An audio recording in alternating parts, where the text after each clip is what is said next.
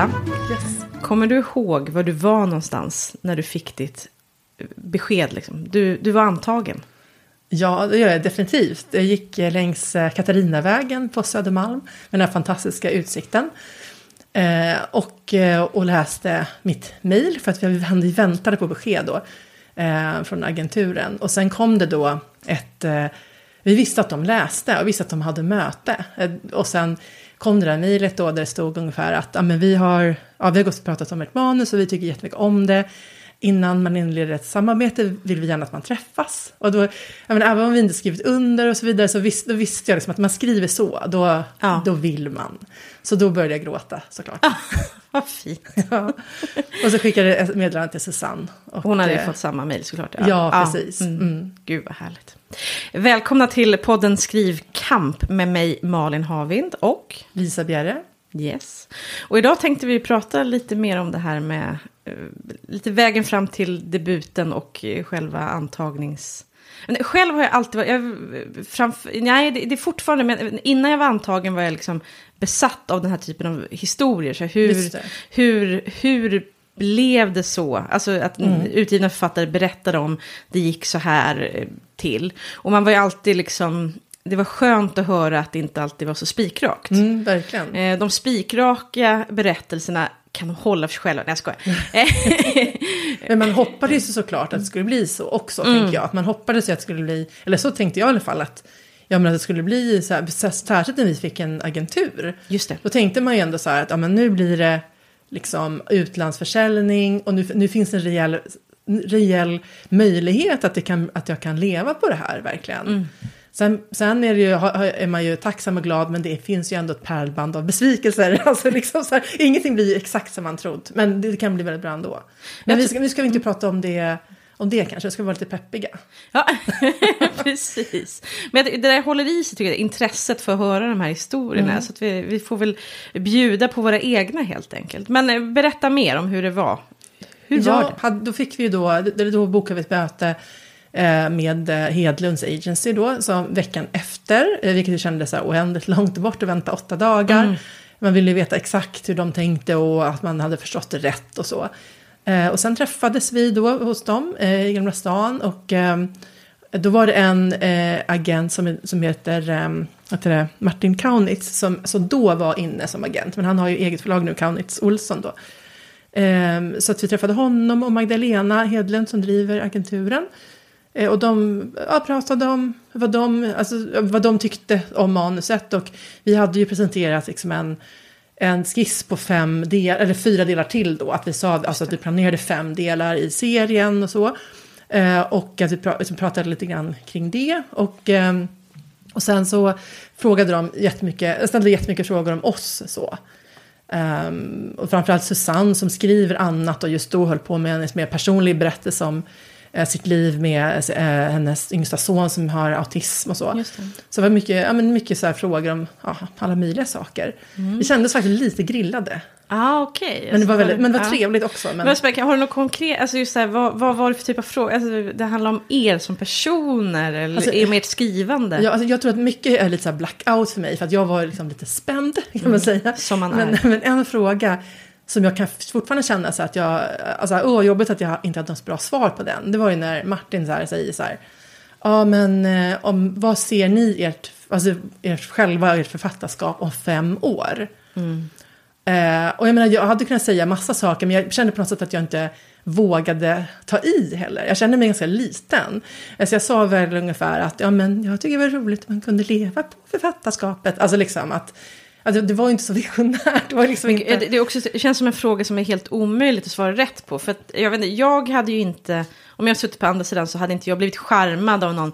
Om någon hade sagt så här, jag ska ligga etta på alla topplistor. Alltså det är ju inte så ödmjukt. Det, man uppskattar ju ändå en ödmjukhet. Men samtidigt också precis, man blir försiktig och bara, ja det vore trevligt om Ja. skrap med foten. Ja. Jättesvårt jo, man att hade svara kunnat på. säga Ja. så här, ja men jag ser framför mig att den här serien ska bli det och det och sen tänker jag skriva det här. Alltså som att man tänkte på något sätt, ja, jag vet, jag, nej du har kanske rätt, det kanske inte finns något rätt svar. Man vill bara, men jag kände väldigt mycket att, att han, han då vill liksom känna lite på oss sådär. Mm, Och det var intressant för vi hade faktiskt så där, eh, ett möte med en annan agentur i samma veva. Ehm, Vilket jag typ aldrig har berättat för någon. Men, men, men, men, men, men då, och då, det var ganska annorlunda för hon var väl inte lika intresserad Alltså jag ska inte säga att hon inte var intresserad av oss, för, för vi fick en jättebra kontakt också. Mm. Super, super trevligt liksom. Men, men hon var liksom kanske mer, alltså direkt in på så här, alltså här ser jag att vi kan sälja det här och så här skulle jag se att man skulle kanske kunna liksom, skruva om det lite grann för att, för, att, för det och det skulle vara, göra det lättare att paketera. Liksom att hon var ganska långt fram med i affärstänket. Just det. Så det, det kändes ändå som att man kan få, alltså beroende på vem det är, kan man ha ganska, kanske ha ganska olika samtal på de här mötena. Um, ja. Men, du, men, gud, förlåt, du. Berätta om ditt nu. Jag, jag, jag var inte klar, men vi kan komma vi kan, vi kan växla lite. ja, men jag ser det ändå som, men jag har, för det här är ju egentligen inte din första första bok, för du har ju, hade ju en fackbok innan, eller hur? Ja, visst. Precis. Ja. Men och för, för jag tycker ändå, även om det liksom är hela tiden mot det skönlitterära jag har velat, så, så ser jag det ändå som att det finns två sådana här tillfällen då, då jag har fått ett ett, ett glatt besked och då har jag också blivit väldigt, väldigt glad. Liksom. Mm. Um, och då, med, med det första, eh, men då minns jag ju att jag, det var så konstigt, för det var verkligen, men så här, jag hade skrivit ett romanmanus som jag höll på med ganska länge, som jag liksom hade haft hos lektör och så vidare, hade liksom gett en chans i två vänder. Eh, blev refuserad med rätta, eh, tycker jag ju idag, men just då kanske inte, men jag var liksom i en, jag var jag var i en sån, liksom, hade, hade fått ett antal refuseringar, de hade duggat tätt ett tag mm. och jag var liksom lite så här... Äh, alltså det, ja, det var liksom så. Men då fick jag någon liksom vändning i det där, att jag, och det var ju då ett romanmanus sagt, men då fick jag liksom, jag hade i bakhuvudet börjat ha en idé på mm. en fackbok. Eh, och det, det som sen kommer bli min första fackbok, det som heter Dra åt helvete, en bok om gräl. Mm. Eh, som, eh, ja, är en bok om gräl. Ja, det kan man ana, ana Ja, just det så. Ehm, och ehm, jag liksom i, nästan i frustration så jag, jag satte mig på ett café och jag liksom så här, i ett rus skrev ur med, liksom, ur med synopsis, ett par kapitel tror jag, liksom en presentation. Och så, liksom, så visste jag hade liksom riktat in mig, jag skickade bara i första skedet, för jag hade då liksom en grej inbokat. Men jag hade liksom, så, ja, men jag ska verkligen, jag siktar in mig här på fackboksförlag. Mm. Eh, och det absolut första jag skickade till, det var ju då Fri Tanke förlag. Sen slog jag ihop datorn eh, och var ju liksom, eh, man väntar sig det vanliga, liksom, nu ska det gå månader och sen ska man få nej. Eh, sen gick jag, och det här, det, här, det här är inte symptomatiskt för mitt liv, men jag gick på en ansiktsbehandling. det låter som att jag, åh, sånt där, ja. Men just då så var det så.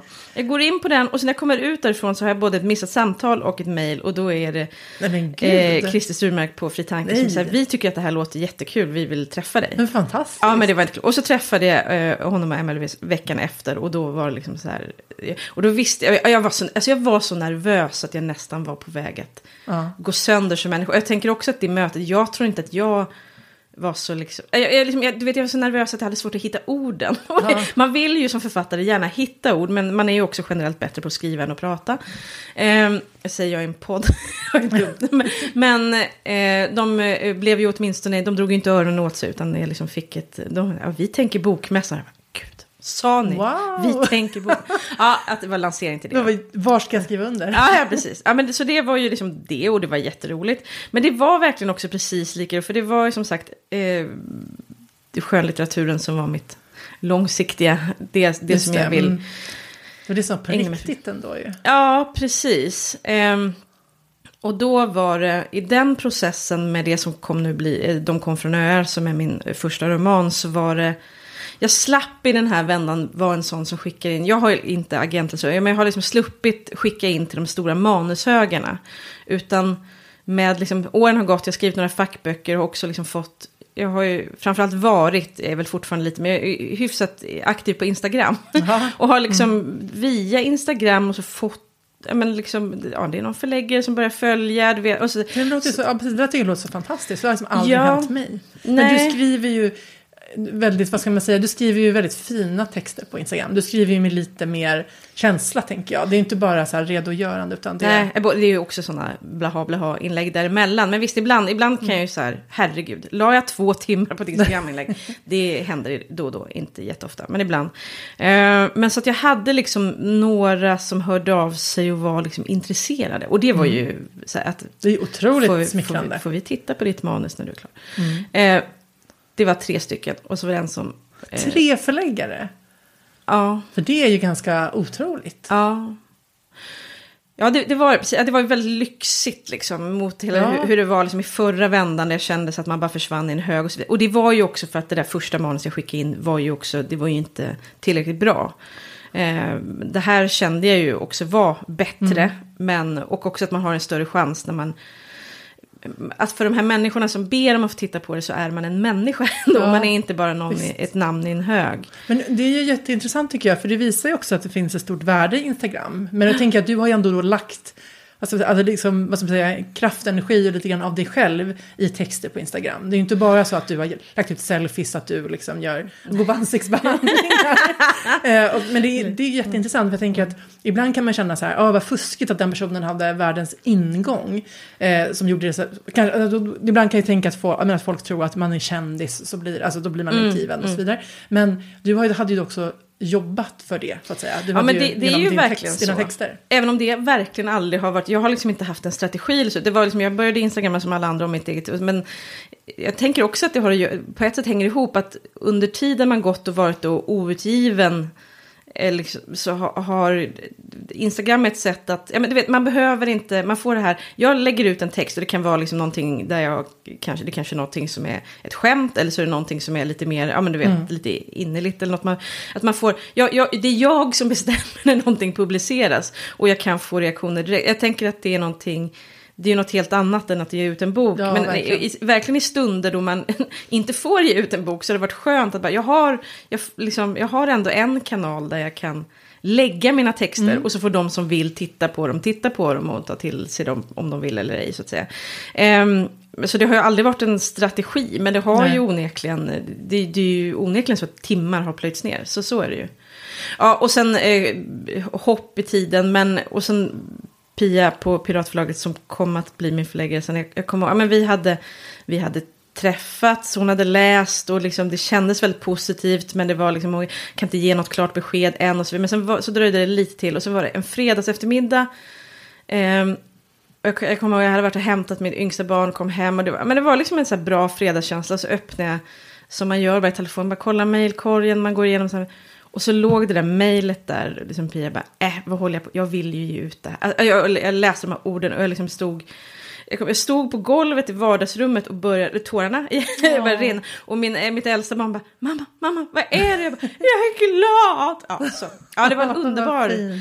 Ja. För, det, och då är, för det är lite annorlunda, för när vi blev antagen av en, av en agentur, Mm. då vet man ju egentligen inte 100% att det kommer bli antaget av ett förlag. Nej, kan just ju, det, det är två men- stegs. Ja, men jag var nog lite naiv. Alltså jag tror det är bra ibland att vara lite naiv, så att sluta lyssna om ni inte vill vara det. Men jag tänkte nog aldrig på alternativet att något, att jag tänkte så här att om det här, den här skickliga och kunniga agenturen bedömer att vårt manus är så här intressant, då, då kommer ju det finnas något förlag som gillar det. Så tänkte jag.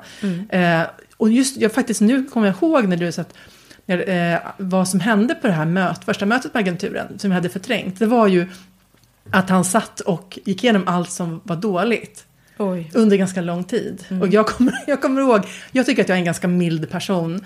Jag kommer ihåg att, att det liksom byggdes upp en ganska stor irritation i mig till slut. Liksom, att man, man kände så här, ja men vad, vad sitter vi här för då? Om det är så Ni här dåligt. så här mycket.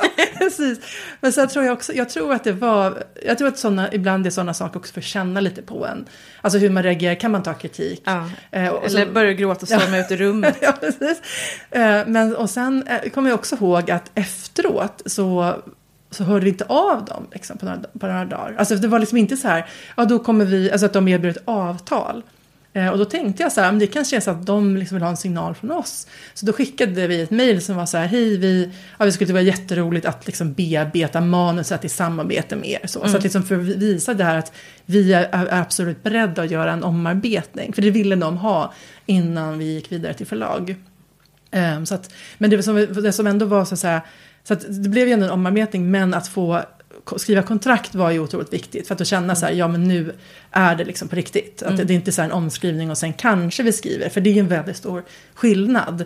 Eh, att de så att säga liksom optar in, att de verkligen har, har liksom ja, sagt att vi jobb, ska jobba med det här. Ja. Eh, Man blir nyfiken på det. Jag har liksom aldrig tänkt på det. Men just att när då ett, ett, en agentur representerar författare på den, på den svenska. Liksom, hur vanligt det är att, att man inte får, att inte något förlag som nappar. Alltså jag, har ju, jag, jag tänkte aldrig tanken förrän jag träffade en, en gammal klasskompis från journalistlinjen, Ja. Peter Molin, som skriver med Molin och Nyström. De har ju blivit jätteframgångsrika. Eh, men han har ju, de, liksom, de har blivit antagna av en agent tidigare. Men det manuset blev inte antaget av ett förlag. Det händer. Det händer. Ja, alltså det är därför känner jag en enorm respekt att de har då liksom gått tillbaka, skrivit ett nytt och sen, alltså att man liksom orkar göra det en gång till. Det är Mm. ju, för att jag hade nog blivit eh, otroligt besviken. Eller det är klart att de har sagt också blivit det. Men, men, men, eh, men, men, för oss var det ju, för då blev det en andra antagning sen. För då var det här var ju så här juni och sen hösten bara, blev en omskrivning och november någonstans, i december så skickades man, nya versioner av manuset ut till eh, ett antal utvalda förläggare. Eh, och sen var det då, fick vi träffa fem av dem och ha möten. Det var ju otroligt spännande. Och då kände jag, så här känner jag ganska ofta i så här författarlivet, att man, men oavsett vad som händer nu så har jag fått vara med om det här. Just det. Och det, liksom kommer, det här är liksom en av de mest spännande dagarna i mitt liv. alltså att, att, att, så att säga, ha stått utanför så länge och velat in och plötsligt få sitta i möte med de här skick, alltså, kunniga förläggarna. Och, ja, men så, så att det kändes jätte, jätte roligt verkligen. Mm, mm. Och sen då så, eh, vad ska man formulera sig på ett fint sätt här. Vi skrev ju avtal med Piratförlaget då och med Ja. Ann-Marie som förläggare, vilket kändes superbra. Ja. Och då var det ju som en, an- ja, precis, en ny antagning. För det ska man Ja. också säga att, alltså, jag, jag vet inte hur mycket man får sladdra, höll jag att säga. men men alltså, det var ju, när man, när man träffar förlag så, då är det ju inte säkert att alla de förlagen sen eh, säger att de vill, så att säga, lägga ett bud eller liksom Nej. vill skriva. Utan de kan ju också ha liksom, en omskrivningsrunda eller att de har något önskemål och sådär. Va? Och plus att personkemin ska funka. Mm, mm. Eh, men ja. Men, det är för, alltså det, men fördelen med att gå med en agent är ju att du, att du förmodligen då får de här mötena eh, med flera så att säga. Det kan ju ändå vara en fördel att känna efter och, och person, som sagt personkemin har ju Mm. jättestor betydelse. Precis. Och att det är spännande. Spännande, precis. Och se hur det funkar Ja. där inne. ja, ja, men det, vi var inne också på det här att eh, det... Att eh, uthållighet, att, att kämpa på. ja, just det. Att, Ja, ja. ja. För jag, jag, jag, igår spelade jag in eh, Ordfronten special, liksom en ordfrontspodd Mm. med Pelle Andersson då, som, där jag ställer frågor till honom. Eh, och då pratade vi om det här med utveckla ditt författarskap. Mm. Eh, och jag, jag, det kändes som att mina axlar sjönk efter det, jag blev så glad. För han sa, alltså för jag har, varit, jag har känt mig ganska rädd för att bli utkastad igen. Jag tror att jag nämnde det förra Mm. Ja. gången. Liksom att, att man kände så här, men nu har man fått den här chansen, men om man inte säljer. Tänk om den dras ifrån en. så att Ja, säga. Mm. liksom att förlora det, alltså så här förlusträdsla. Mm. Ehm, och det är väl så här bristande tillit såklart. Men, men, och då, ja, men, men sen så sa han det att ja, men, alltså man blir nog inte utkastad så lätt. Alltså att han, han utgick, nu är det klart alla förlag olika och att det finns ju förlag som är mer kommersiella än andra och Just så vidare. Va? Men alltså att är man väl liksom har inlett den här relationen och man tror på, på ett författarskap så är det ju inte så att man Alltså han, som han liksom såg det då, att man Mm. liksom bara ja, men du, alltså kastar ut folk liksom, för att det inte säljer dåligt. Men sen kan ju, det det vet man ju att det är klart att det händer Man att kanske inte manus får välja, håller. precis, man får Ja. inte igenom vilket manus som helst Nej, såklart. precis, så det är kan det ju vara. också rimligt. Det är ju verkligen att, rimligt. att det inte bara... Ja, precis. Att det inte bara är någon som kan, hej, kom och ta mina spridda anteckningar, publicera dem. Nej, nej, men precis. Ja men verkligen, och skulle man skriva ett manus som inte håller eller som enligt förlaget så kan man ju antingen gå till annat förlag eller så kan man ju skriva ett annat manus då, även om det kan kännas tråkigt. Men Mm. det kan ju finnas, det är inte alltid ett förlag har fel heller, så att säga. Nej, gud nej. Men, precis. Men det, ja, och tänk, det måste ju också spela roll att man, ehm, jag vet att man är en människa som det går att arbeta med. Ja, Ehm, men jag tänker att i och för sig, om man säger så här, de som inte går att arbeta med är väl i regel kanske också ofta de som väldigt, säljer väldigt mycket. Så då får förlagen stå ut med ganska mycket ändå. Jag Ja. vet inte. Ja, nej men, jo, men absolut så kan det ju vara. Men man är ju inte det. Jag frågade också Pelle om det här med diva. Alltså om det finns många divor och sådär. Och då sa han så här, men är man en diva så är man det från början. Och då fattar man ju det liksom. Jaha, okej. Okay. Mm. Ja, så det, han har i alla fall varit med om att man utvecklas till en diva. Ja. Men en, en, en så här välkänd diva är ju Jonas Gardell till exempel. Eller det, det, det hör man ju ofta lite roliga historier om. Mm, mm. Man kan ju ändå tänka sig att han kanske inte Alltså han var ju liksom inte en liten mus från början han blev antagen. Utan han, han har, har alltid haft en litet anspråksfull eh, mm. sätt så. Eh, men, men, eh, ja, men så kan man, man kan ändå förstå det. Men, eh, att det kan vara så, att man har mm. det i sig. Mm, mm. Nej, men för det får vi ju ofta höra från eh, Ann-Marie, vår förläggare. Ah. Liksom att, ja, men det här, att det är så bra att vi förstår att man måste nöta text. Just det. Eh, för att det är ju viktigt. Det är klart mm. att det förstår man, man kan, att det är svårt att jobba om man så att säga, tycker bara är jobbigt med omskrivningar och redigeringar. Och man, man, alltså, jag, nu har jag aldrig varit med om någon som har gjort det, men om man skulle så här, mm. klaga eller gnälla liksom, och, att jag orkar inte med. Det är klart att då, då, då blir det svårt för det är ändå en del av yrkesrollen. Nej, precis. Jag kan verkligen tänka mig inom, jag tror att de har pratat om det i förlagspodden någon gång, att i vissa fall med väldigt så kommersiella författarskap som går väldigt bra, att det kan vara, att liksom, jag ska säga så här, ett debutantmanus som antas, det liksom är det ju ett, ofta, i regel då, dels har ju den som skickar in eh, jobbat jättemycket och jättehårt för man vill ju att det ska bli så bra som möjligt. Och sen så jobbar man såklart på förlaget väldigt mycket med det. Men att i vissa fall kan det vara att när någon väl är inne och det är liksom, jag vet inte, en serie som säljer sig själv. Och det här kan jag tycka att man som läsare nästan kanske får en känsla av att här har man inte, vad ska jag säga, brutit nacken av sig av ansträngning i redigeringen. väldigt fint formulerat. ja, men att det, liksom att, ja, men det, det, funkar ändå. Liksom, och att det nästan är som att ja, det ska vara så här eller så. Ja. Utan att nämna några specifika men jag, tänk, ja, men jag tänker, ja, men Det kan säkert vara så som du säger att det här funkar som det är. Och, mm. men, men det kan ju också vara, ja, men det här för, vilka förutsättningar man får som redaktör. Mm. Eh, men att om det är väldigt sena ändringar och mm. så vidare. Att det liksom blir svårt då att göra ett mm. riktigt bra jobb. Ja, jag, jag är ju ibland frilansar som redaktör också. Man sitter på andra sidan. Det finns ju också en tendens. Men just där, den som vill in, den har ju liksom. Och den är beredd att gå, göra väldigt mycket för att komma liksom om debutantens. Nej. Men ibland kan det ju någon som har gett ut. Jag vet inte, det, det tenderar ju ibland att för varje manus så kommer kanske att det är lite mindre färdigt. Och det, det, behöver ju inte heller vara liksom av slapphet, utan det kan ju vara så här, ja, jag vill ha mer, jag vill ha mer liksom, samtal med förläggare och redaktör. Att man, vill, ja, att man jobbar på olika sätt. Ja, men det känner jag lite träffad där. Men jag känner att det är också att man känner sig trygg. Eh, och då, kan, då vet man ju alltså, att man inte har lika mycket bevisa. Och då kan man lämna det i ett tidigare stadium. Mm. Lite grann är det kanske lathet då, att man att man känner att man kan så att säga lämpa över lite grann på någon annan. Det är väldigt negativa i det. Att mm, även om det inte är medvetet så. Kommer med en kasse med lösa post-its. kan du sätta ihop mig? Gör något. Jag glömde bort det med sidnumrering men du kan... det fixar du. Ja, jag, jag har stort förtroende. Ja, nej men...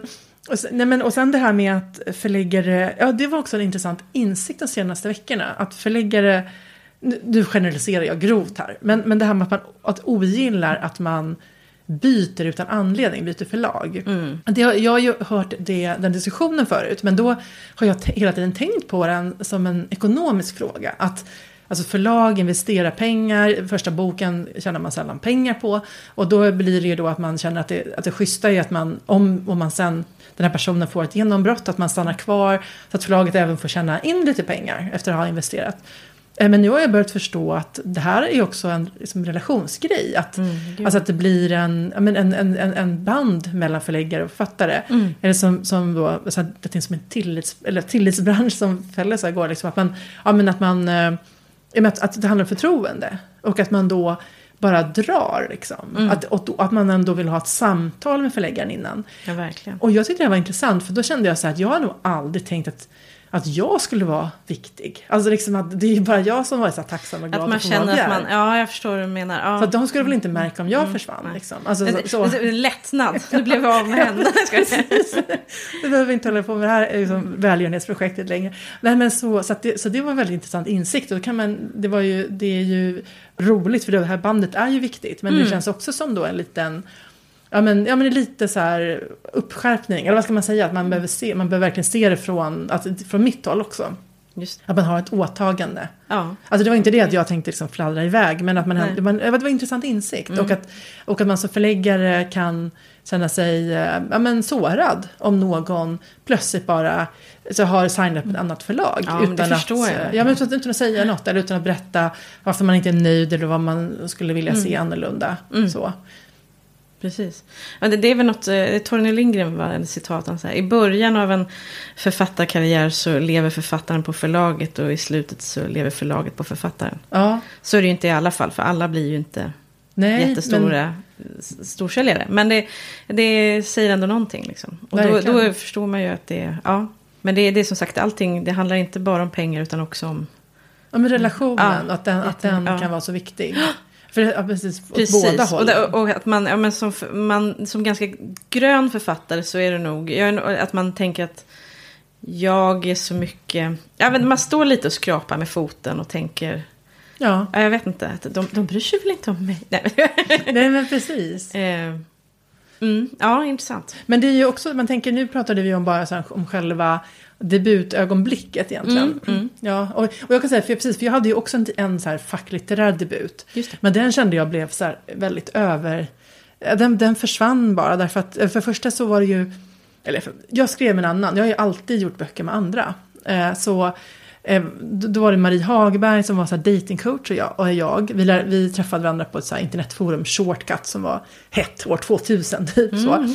Och då, då, då hade vi båda idé att skriva en bok om nätdating. För jag hade höll på att skriva, alltså jag hade skrivit artiklar som journalist om nätdating. Och jag var ju så här supersingel, så jag hade ju till och från nätdejtat. Och hon var datingcoach. Och så sa vi varför, varför inte göra det tillsammans? Eh, och sen, men sen var det ju då, jag stod för ganska mycket av textarbetet. Eh, och hon jobbade mer med PR-marknadsföring var tanken. Och hon tog även de här rundorna att, att skicka in till förlag. Och, och det här var så här år 2006-2007. Den kom ut januari 2008. Så, så det, liksom, det var ganska, det var väl inte lika digitalt heller. Nej. Så det antagningsbeskedet var väl bara så här att jag kommer ihåg att de fick ett mejl och bara ja men nu har liksom Lind Company har tackat ja. Här, ja men vad kul. Liksom, det, var, det, det var ju roligt men, men det var inte alls, det var inte, absolut Inte inte, det här- laddade stora. Nej, det var inte så jag började gråta utan det, det var väl mer liksom att det här var ju ändå på något sätt bara en, en längre journalistisk produkt. Ja, förstår, det liksom det är en handbok. Ja. Ja. Så alla de tre eh, fackböcker jag skrivit har ju varit handböcker.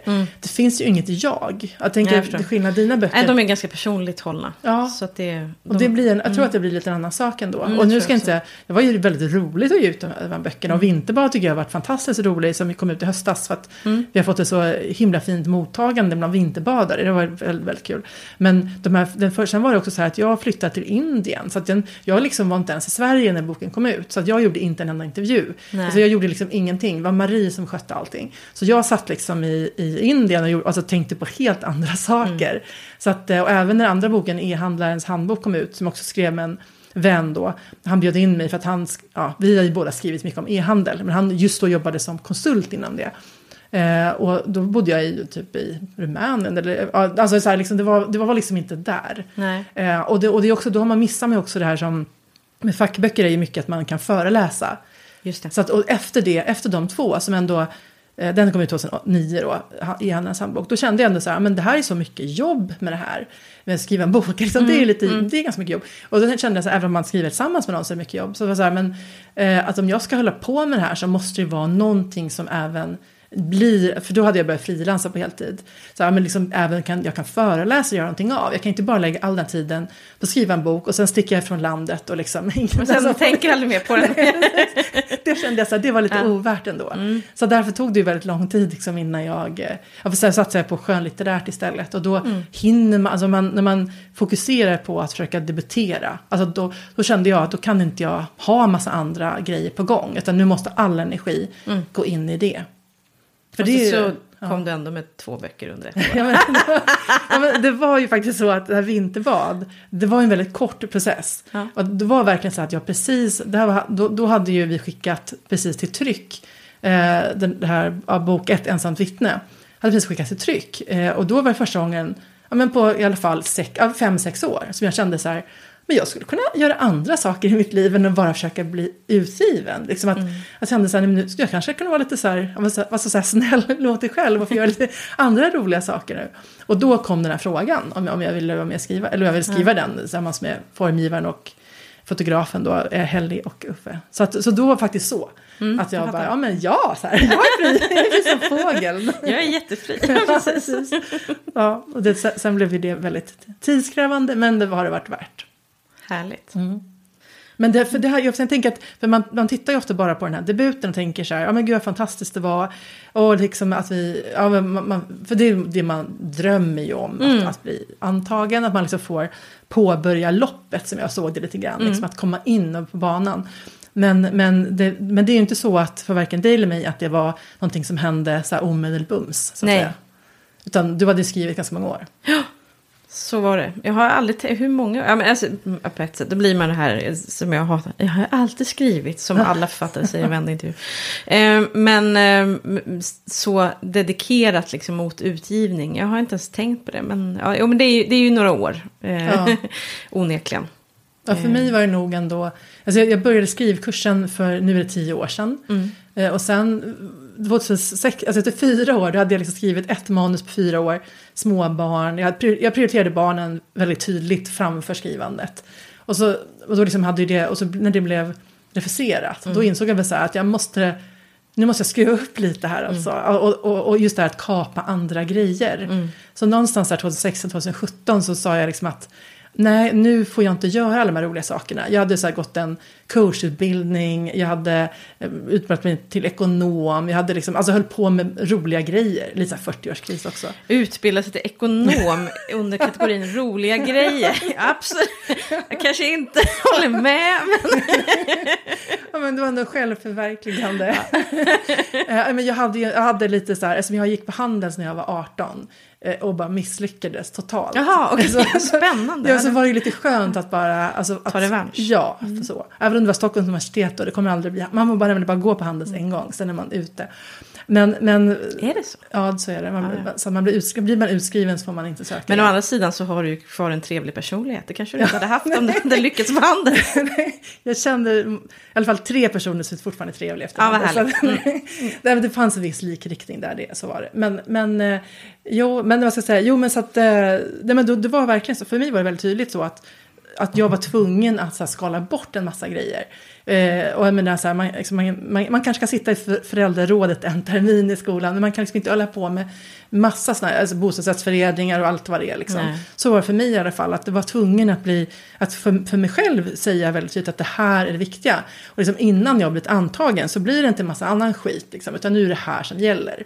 Mm, eh, spännande. Jag har nog aldrig behövt skala av, för jag har nog aldrig skalat upp, eller mm. Jag har alltid haft mycket att göra, alltså så, men, men det har ändå varit, ja, men skrivandet har varit så länge, det, och sen så, så, har man, man har sin familj och man har vänner och så vidare, och det, det liksom, det, det behöver man ju för sin överlevnad. Men jag har liksom inte haft en massa andra eh, sidoprojekt förutom det liksom som är ren så här brödföd Men jag skalade nog bort lite vänner också faktiskt. Alltså, ah, att jag, okay, ah. alltså inte att jag slutade ah, träffa alla mina vänner men att jag, mm. jag, jag, jag, sociala grejer liksom. Att jag var lite mm. snål mot mig själv. Att jag kan ah, inte okay. mm. springa iväg på massa saker. Utan Nej. nu måste jag ha fokus på det här. Mm, eh, mm. Men, men jag tror dels att man är olika som person givetvis. Mm, men också och vad man har liksom för andra sysselsättningar. Mm. Mina jobb och allt. Hur mycket man har utrymme att skriva. Och vad man, om man orkar sitta på kvällarna det orkar jag ju typ aldrig. Liksom, Nej, ja, det har jag gjort mycket i ja, då, så, så att liksom det är ju... Och sen, och sen, tänker jag också att jag tror att du är mycket bättre på det här som jag försöker eftersträva, hållbart författarskap. Att man, är, att man ser det som någonting som kommer vara så här under en viss tid. Mm. Alltså, jag vet inte om jag är bra på det. Jag tror att jag är mer, att jag inte, jag vet inte. Jag bara, just nu är det så här. Eh, jag vet inte. Jag, jag eh, är, ja, men jag är skyddad av min icke-strategiska sida där. Ja. ja. jag har, apropå just med, jag har en, en fantastisk bild på när jag höll på det här första romanmanuset som jag, det första som jag skickade in och som, som blev refuserat då, eh, för att det var så, så, skitdåligt. Eh, men, det förstod jag inte då. Eh, men jag, jag har en bild och jag sitter liksom med mitt yngsta barn, hon är kanske liksom några veckor, jag sitter med henne i famnen. Och så sitter jag med andra handen så här på, på, på datorn. Och då är liksom, den, jag vet det är att jag skickar iväg den till något förlag där. Alltså Ja. det är någon, eller någon kontakt. Ehm, och det, så har det ofta varit. Men för mig var det också, nu blir det liksom eh, psykologisk afton här. Men jag... Jag ehm, älskar psykologisk afton. Ja, men jag började ju få styr på mitt eh, skrivande när eh, jag gick skriva kurs för föräldralediga med mitt eh, första barn som nu är 12 år. Och det var en sån räddning för mig, för jag hade ju förlossningsdepression. Men att jag gick den här kursen som fick liksom mig att som gav mig något, alltså så här, att i när man är helt eh, vilse i, i livet, som man är i en sån läge och, och också väldigt mycket skuldkänslor såklart, för att man inte är så där glad som man ska vara när man har fått det här underbara lilla barnet. Men att då ha den här tråden som var skrivandet och det sammanhanget och den uppgiften som var en uppgift att få ur sig text som inte liksom, det var en uppgift jag gjorde varje vecka eller varann, kommer inte ihåg. Den var liksom inte övermäktig, det var ju liksom viktigt eftersom det var en sån kurs var det ju inte lämna tio sidor text utan det kanske var lämna två sidor text. Så det var liksom hanterbart och det kunde jag, alltså ja, jag var ju in, jag hade ju liksom, jag har ju min man också så han kunde ju, det var inte så att jag behövde, och hon var så pass liten att hon också dessutom sov en del. Alltså, det gick att få ihop dem där och det var så viktigt för mig i hela den, eh, i den livssituationen så tror jag att det var helt avgörande att jag hade. Och sen var det som, okej, det är det här. Att när jag fick tag i den tråden så var det väldigt så, nu släpper jag den aldrig. Nej. Ehm, så därför har jag inte lagt det åt sidan någon gång egentligen sen dess. Utan bara håll, hållit hårt i det så att säga. Ehm, och vågar inte tänka tanken på att det inte skulle finnas där. Nej. Så, nej, så det kanske jag verkligen känna igen i. Det vore väldigt... Nej, nej precis. Jag, jag är nog också lite rädd för att om jag tänker tanken... Nu pratade vi ju förra gången om så här, om man skulle sluta skriva. Men jag, tänker, jag är lite rädd för också om jag tänker den tanken på allvar. Så, så vad ska jag tappar jag lite fart också. Alltså man tappar den här målmedvetenheten. Om man, om man liksom tänker för mycket på att jag kanske ska sluta. Alltså liksom att man behöver ha lite... Jag kan, det kanske också är en liten, um, vad säga, va- ehm, vad heter det, övernaturlig tanke. Att man, liksom, att man är rädd för att jinxa det lite också. Ja, just det. Så Man får, jag vet man får så här, en bok i taget, tänker jag. Får man. det var bra, jag ska Ja. verkligen försöka göra det. Eller en bokserie och ett årtionde i taget. Lite större steg. ja, men vi Ja. kanske ska avrunda här. Det ska vi. Trevligt att prata sid idag. Det, verkligen. Tack för att ni har lyssnat. Hej då. Hej då!